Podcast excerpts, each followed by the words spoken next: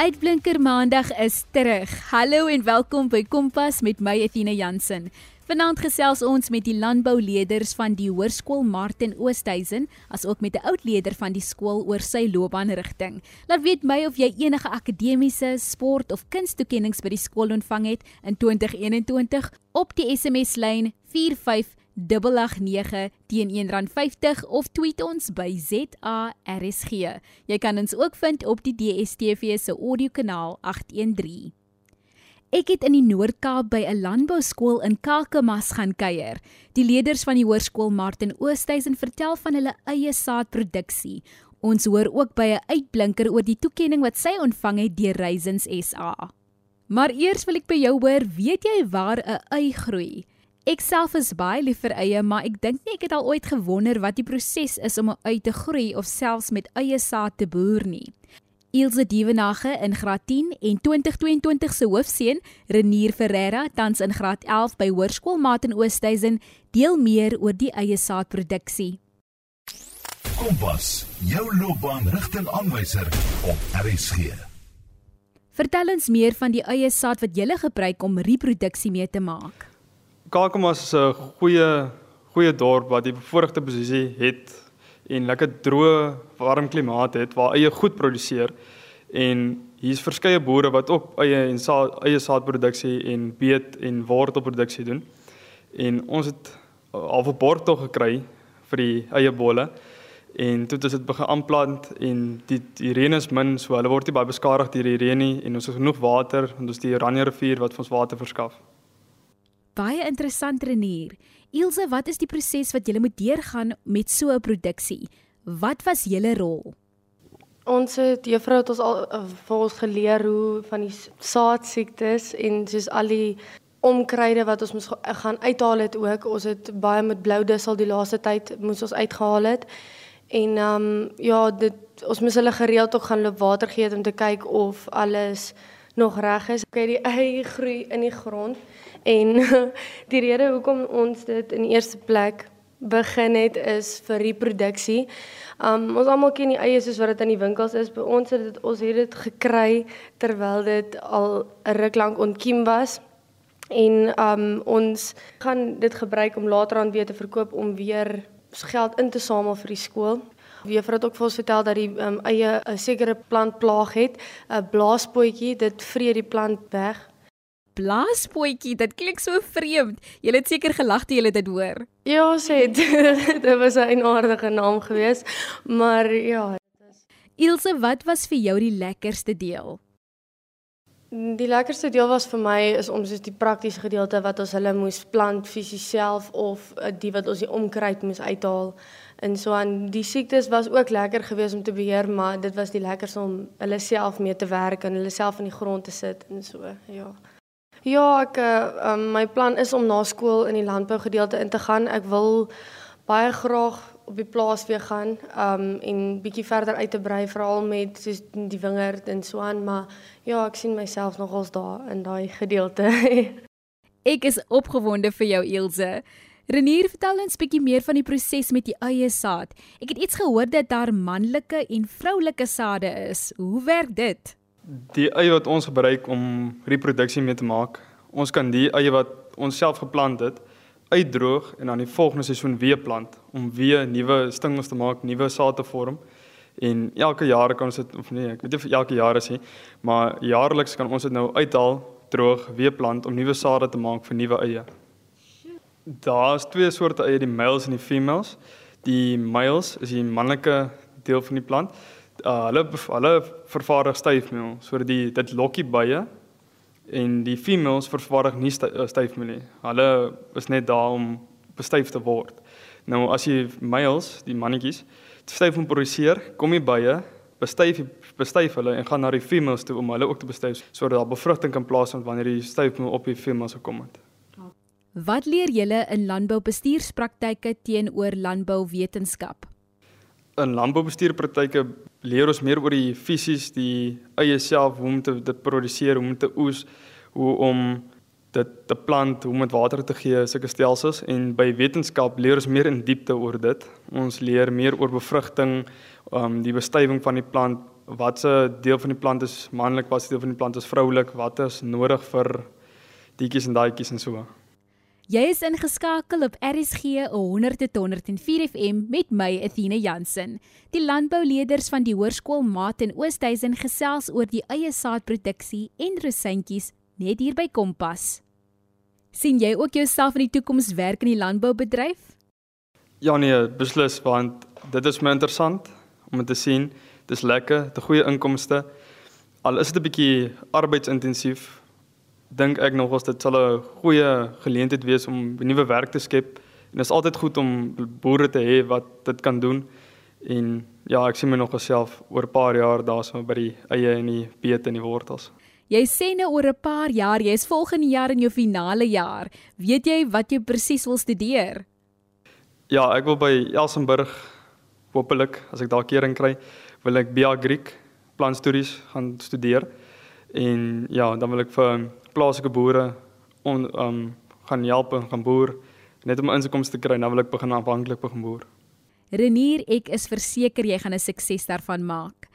Ilse, kan jy vir my beskryf hoe die eie saad plantjie lyk? Die prentjie van die ei is dat ehm um, hy het 'n bol aan die onderkant, maar die hy het 'n baie klein wortelstelsel. Nie hy gaan nie baie diep in of so nie. Sy stingel wat bo uitkom is omtrent so heup lengte as jy tussen die eie klomp staan. Hy het ook 'n klomp blommetjies aan die bokant wat so 'n ronde bal uh vorm met op die ou ende die klein blommetjies gaan later aan saadjies word wat ons dan nou later aan gebruik vir die reproduksie. Um maar ja, dit is dit is maar omtrent dit hulle raak nou op hierdie huidige oomblik raak hulle omtrent jy plente lank. Die eie moet op 'n sekere manier geoes word. Dit moet handeliks uitgetrek word en dan moet dit nou saadjies moet nou geskei word van die plant en uitgedroog word en dan in sakke gesit word en dan verkoop word en dan daarna moet ons maar weer grondvoorbereiding doen soos die ou plantreste uithaal, die grond weer skoon maak, seker maak alle onkruide is uit, seker maak daar is enige onkruidsade tussen die sade nie en dan moet ons wag vir die tweede seisoen en dan kan ons weer begin plant. Um ons hoop om op die ou einde hierdie verder te kan vat om vroeër of later weer te kan uh, gebruik aan hierdie sade om dit 'n permanente ding om elke jaar weer dieselfde storie en laat al, al die kinders van die landbou dit weer kan ervaar want ons het nogals baie geleer uit hierdie hele eie saadproduksie. Ek hoop eintlik dit gaan aan na skool terwyl ons nog uit is, maar dit ek dink dit is 'n goeie ervaring vir jonger kinders wat nog nie weet wat hulle eintlik wil doen nie. En as hulle dit beleef, kan hulle sien, okay, dit is 'n lekker ervaring en dis maklik en alles en dit is dit sou net niks gebeur het sonder ons juffrou nie. En ek hoop net dit hou aan en dit is dan dat dit dat dit suksesvol sal wees en dat ander boere ons ook sal help en met 'n bydrae lewer en net alles sal goed gaan. Uh, ons juffrou Jacqueline, juffrou Jacqueline Grafford sê um het van ek is nou nog nie te lank in die skool nie, maar van die begin van die jaar af het sy ons baie goed gehelp met die landbou en sy verduidelik regtig baie goed. Sy het ons al baie met praktiese uitgevat en baie vir ons verduidelik. Sy verduidelik altyd vir ons mooi dat ons altyd reg is vir as ons vorentoe moet gaan en hoe ons by die toetse byvoorbeeld moet aangaan en so aan sê ja. Ek dink sy speel baie groot rol want sy neem al die leiding. Sy sê wat moet gebeur sy reël alles en dit is net baie wonderlik om te sien dat daar nog onderwysers is wat so lus is vir projekte en wat so baie blootstelling gee aan sulke nuwe projekte wat vir ons baie na skool gaan help en wat vir ons baie nuwe ervarings gee. Dit was Renier Ferreira en Ilse Dievenage wat oor die eie saadproduksie gesels het. Marcel Skreder, 'n graad 11 leerder by die Hoërskool Maat in Oosthuizen, is aangewys as die landboustudent van die jaar 2021 deur Reisens SA. Reisens SA het 'n vennootskap met die skool. Dit is 'n gesamentlike proefplaas om leerders op te lei in die landboubedryf. Landboubestuurspraktyke fokus op die produksierigting in die omgewing. Dit sluit in wingerdproduksie, eie saad, tafeldrywe, rosyntjies, wyn en so voorts. Hoërskoolmaat in Oosthuizen stel die leerders aan hierdie tipe produksies voor. Soos die jong mense sal sê, die skool is op dit. Ons het juis vroeër gepraat oor die eie saadproduksie wat hulle by die skool groei. Ons uitblinker Marcel Skreder neem landboubestuurspraktyke as 'n vak en gesels oor wat sy alles leer.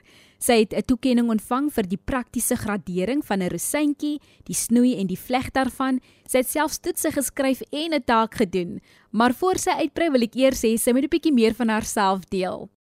Ek is Marcel Skreder, 'n graad 11 landbou student van Hoërskool Martin Oosthuizen want landboubestuur as 'n vak neem. Ehm um, ek geniet die vak vreeslik en want ek is ook 'n ek kom van 'n plaas af en my pa boer ook self met rosyntjies. Ehm um, 'n rosyntjie is 'n vrug of wingerd en um, dan nou druiwe wat meestal gesondrig word, maar dit kan ook op ander maniere gedroog word en ehm um, dit is iets wat ons eet. Dit is ek dink 'n uh, uh, baie mense se gunsteling ehm um, peselhappie en ehm um, dit is ook baie gesond. Ehm um, Raisins SA het ons blootgestel aan baie verskillende aspekte in die landbou. Ons het begin deur ehm um, in ons klas 'n uh, eh, teorieopleiding te kry waar ons meer geleer het en toe het ons praktiese blootstelling gekry waar ons eers die ehm um, gewys het hoe om rosientjies te gradeer en toe het ons ook, ook gedoen vir punte en ons is ook ehm um, blootgestel deur dat ons gewys hoe die grond voorberei word vir ehm um, rosientjie verbouing. Soos die grond word eers geploeg en gedol en gelaser om dit dan ehm um, korrek voor te berei om rosientjies te verbou. Jy was nie bewus gewees dat iemand 'n toekenning deur Reisens SA sal ontvang nie. Was jy verbaas? Ja, ek was verseker verbaas en um, ek moet nogal sê dit was baie ek was baie bly en gelukkig toe ek dit ontvang het. Dit was ons het geweet nee, ons het glad nie geweet daar gaan 'n top leerder uit ons graad uitkom nie, maar ehm um, dit is bepaal deur die leerder wat die beste presteer het in al die aspekte soos ons het 'n taak gedoen, ons het 'n toets geskryf en ons het dit ehm um, prakties gedoen waar ons die rosientjies gegradeer het. Ehm um, dit was 'n baie spesiale aand. Ons was uitgenooi na 'n gala geleentheid van Reisens SA, ehm um, waar ek toe aangekondig is en my ouers was baie trots op my en dit was ons almal 'n groot verrassing.